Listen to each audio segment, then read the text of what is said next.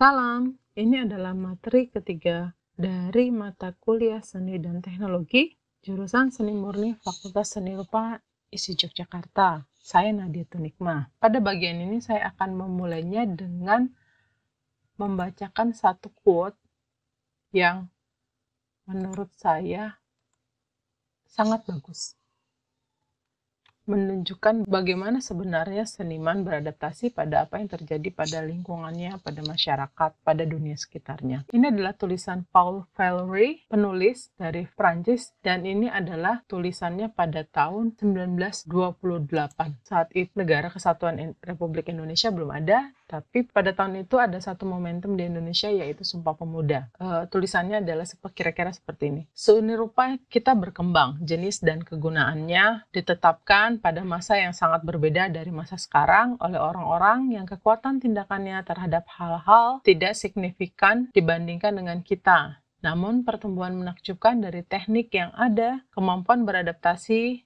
dan ketepatan yang telah dicapai ide dan kebiasaan yang diciptakan membuat kepastian bahwa perubahan besar akan terjadi dalam dalam tindakan-tindakan yang menghasilkan keindahan yang selama ini kita lakukan. Dalam semua seni ada komponen fisik yang tidak dapat lagi dianggap atau diperlu atau diperlakukan sebagaimana mestinya, yang tidak dapat tetap tidak terpengaruh oleh pengetahuan dan ke dan kekuatan modern kita. Kita harus mengharapkan inovasi-inovasi hebat untuk mentransformasikan seluruh teknik seni. Dengan demikian mempengaruhi penemuan artistik itu sendiri dan bahkan mungkin membawa perubahan luar biasa dalam gagasan seni kita.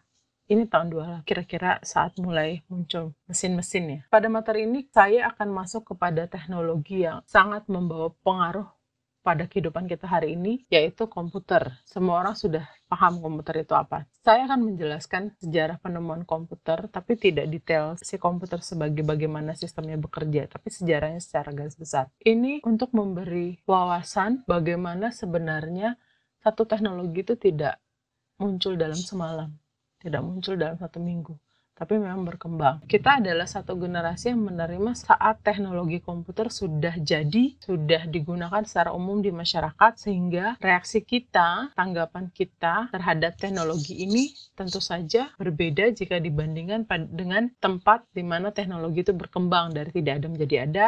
Untuk komputer sendiri, perkembangan teknologinya bisa dikatakan dimulai pada tahun 1933 dengan adanya telex messaging network seperti mesin telegraf, teleprint A. Dan ini saat itu banyak dilakukan untuk kebutuhan penyampaian informasi untuk komunikasi pada saat terjadi Perang Dunia Kedua.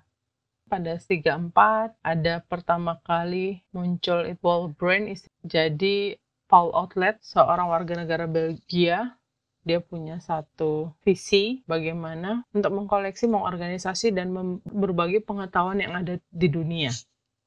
Dan hari ini kita bisa mencarinya melalui Google. Sebenarnya si Paul Otel ini punya gagasannya dari sekitar awal tahun 1900.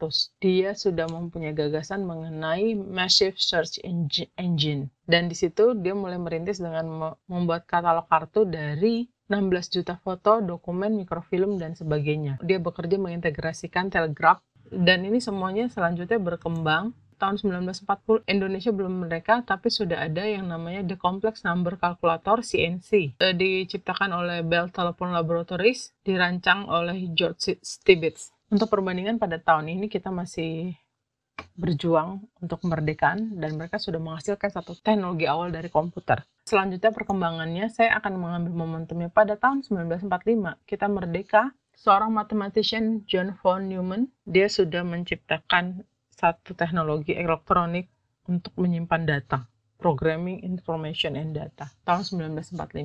Kalian bisa bayangkan kesenjangan teknologi saat itu seperti apa. Sana sudah mikirin bikin alat yang bisa menyimpan data gitu ya. Kita masih berpikir sudah merdeka, mau dibawa ke mana bangsa ini perkembangannya menarik dan luar biasa karena memang kebutuhan militer saat itu ya. Diawali karena memang untuk kebutuhan militer mulai digunakan oleh masyarakat umum atau bisnis industri ya. Pada tahun 1960-an, Common Business Oriented Language mulai digunakan.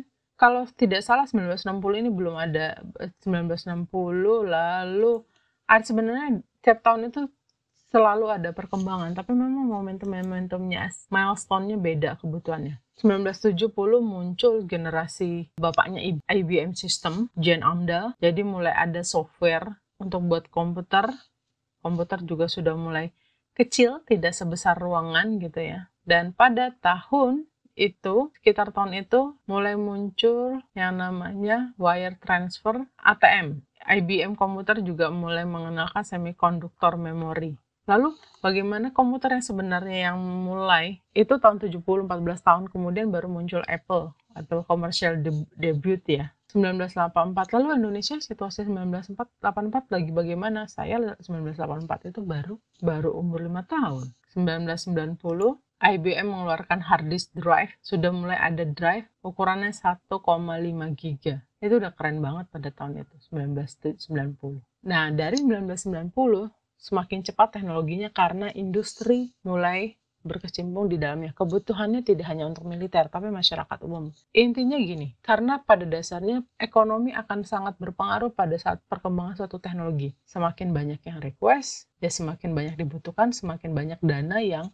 digerakkan untuk melakukan terobosan-terobosan baru dalam teknologi tersebut. Ya, komputer ini kan permintaannya tinggi penggunanya. Sekarang setelah satu tahun sudah nggak nyampe setahun udah keluar nih apa aja yang baru, apa yang baru. Jika kalian bisa melihat bagaimana timeline komputer itu berkembang, dari dia sebesar kamar, komputernya itu ruangan sebesar kamar, lalu sebesar meja, lalu sebesar tas jinjing, dan akhirnya sebesar jam tangan itu teknologinya seperti itu dan itu membutuhkan waktu tidak tidak sampai 100 tahun. Memang luar biasa sebenarnya kalau kita bicara perkembangan komputer. Lalu adaptasinya bagaimana? Ya adaptasi seniman itu macam-macam. Lalu saya menjelaskan bagaimana adaptasinya adalah seni yang lahir dari pengalaman teknologi. Itu ada adaptasinya.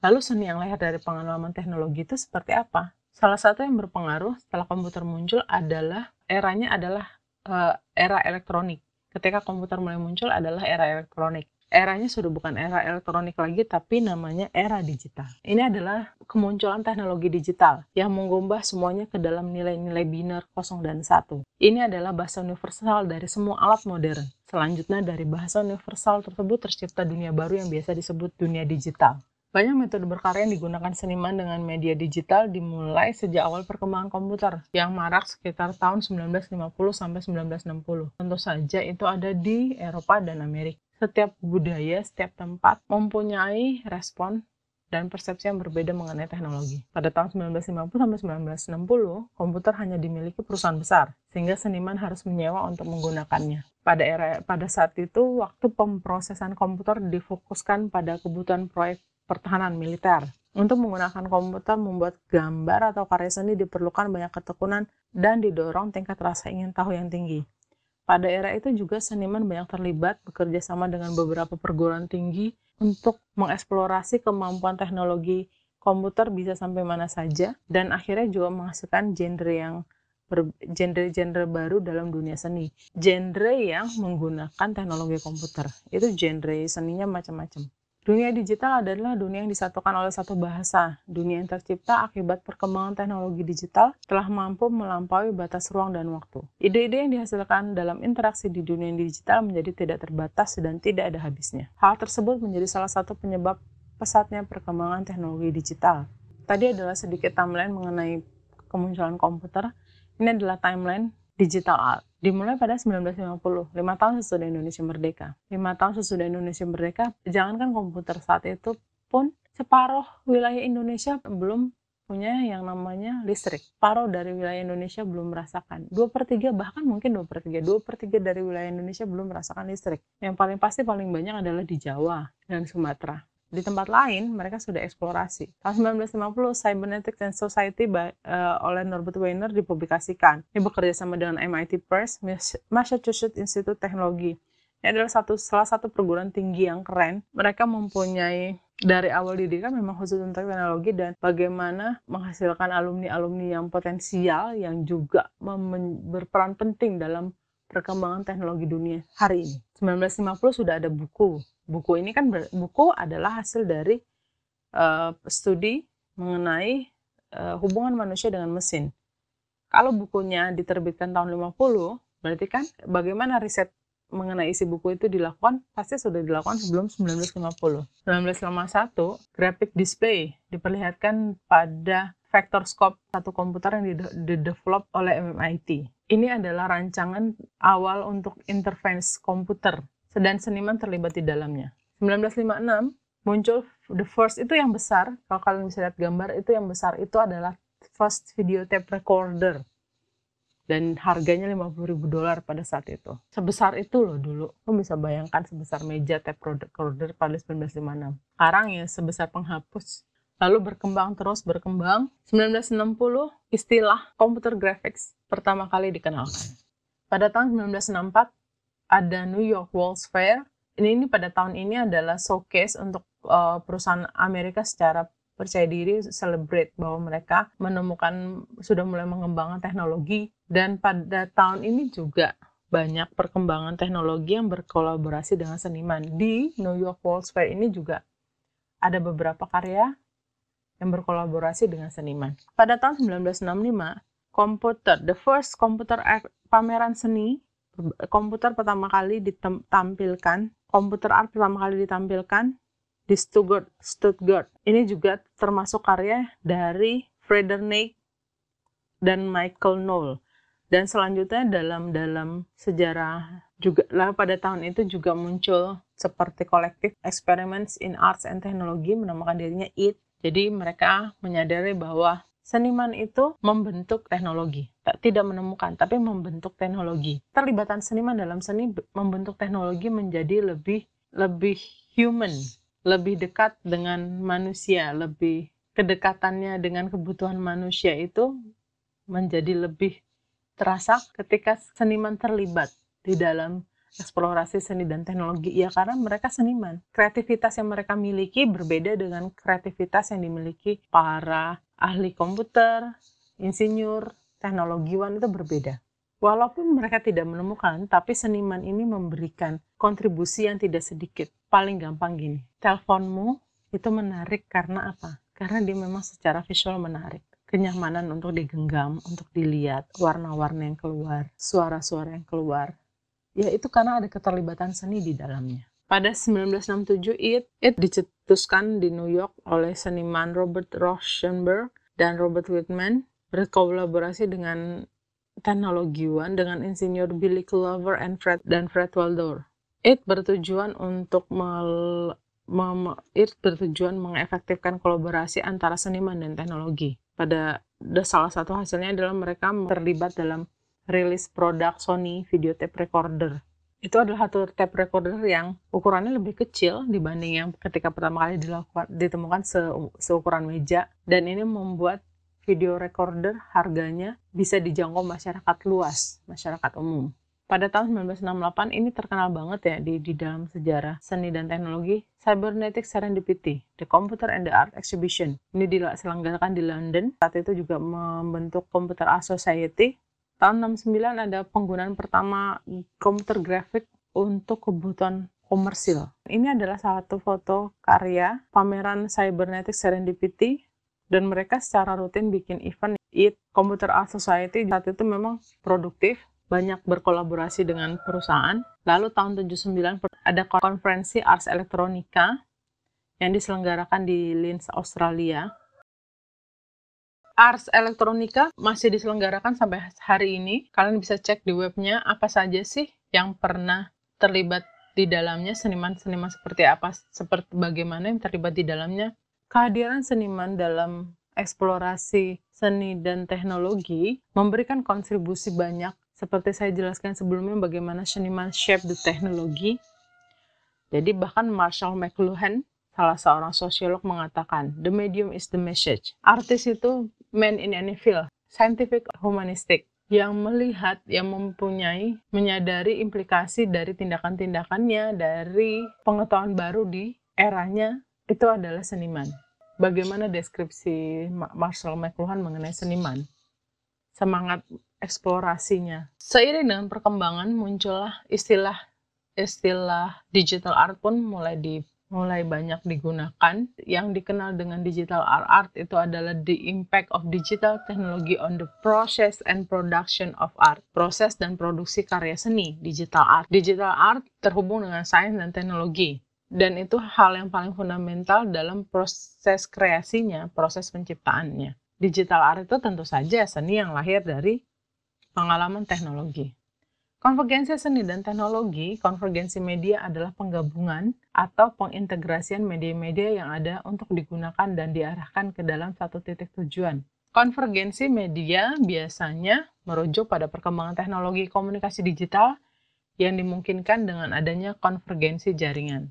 Komputer art menghasilkan banyak genre-genre lalu ada akhirnya muncul digital art dan untuk dibedakan lagi muncul ada istilahnya digital imaging. Sebenarnya ada kadang-kadang bersisian atau tumpang tindih istilah-istilah gitu istilahnya ada generated art algoritma art bahkan terakhir saya baca ada istilahnya zombie art gitu ya. Kalian bisa cari bagaimana istilah-istilah itu muncul.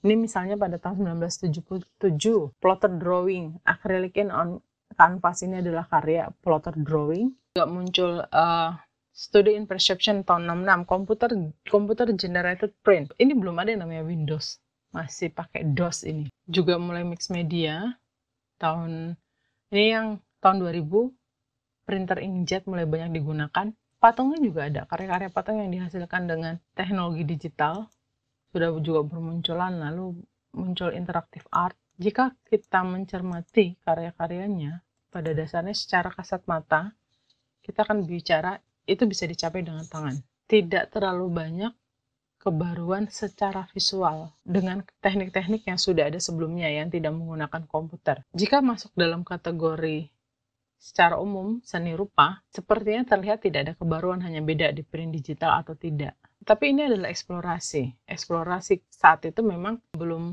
sekuat sekarang istilah new media. Tapi dari eksplorasi yang terus dilakukan, akhirnya muncul istilah new media, seni rupa media baru. Seperti halnya kontemporer, kontemporer 10 tahun dan hari ini juga berbeda. Begitu juga dengan media baru. Teknologinya berbeda. Tidak bisa disamakan. Yang baru 10 tahun, hari ini tidak baru lagi. Karena teknologinya memang berkembang dengan luar, luar biasa pesat. Digital art itu mengatakan seni yang proses dan penciptaannya dibuat menggunakan teknologi digital tapi hari ini juga muncul bahwa teknologi digital juga digunakan tidak hanya untuk membuat karya seni, tapi untuk menyajikan karya seni. Karya-karya seninya dibuat tidak menggunakan teknologi digital, tapi disajikan menggunakan teknologi digital. Contohnya adalah pameran virtual. Karya-karyanya dibuat misalnya lukis di atas kanvas, difoto, lalu disajikan, dipamerkan menggunakan teknologi digital teknologi hari ini seperti ini. 10 tahun yang lalu ya orang nggak mau, saya tidak mau menyajikan karya-karya di ruang virtual. Tapi hari ini terutama dengan adanya situasi seperti sekarang ini yang membuat kita harus membatasi aktivitas karena pandemi itu mulai digunakan. Jadi ada seni yang lahir dari pengalaman teknologi, pengalaman teknologinya berbeda. Seni yang lahir dari pengalaman teknologinya berbeda akan menghasilkan seni-seni yang juga berbeda. Lalu bagaimana dengan kalian? Pengalaman teknologi kalian, para digital native ini, pengalaman teknologinya sudah sampai seperti apa? Bagaimana itu mempengaruhi kalian dalam berkarya?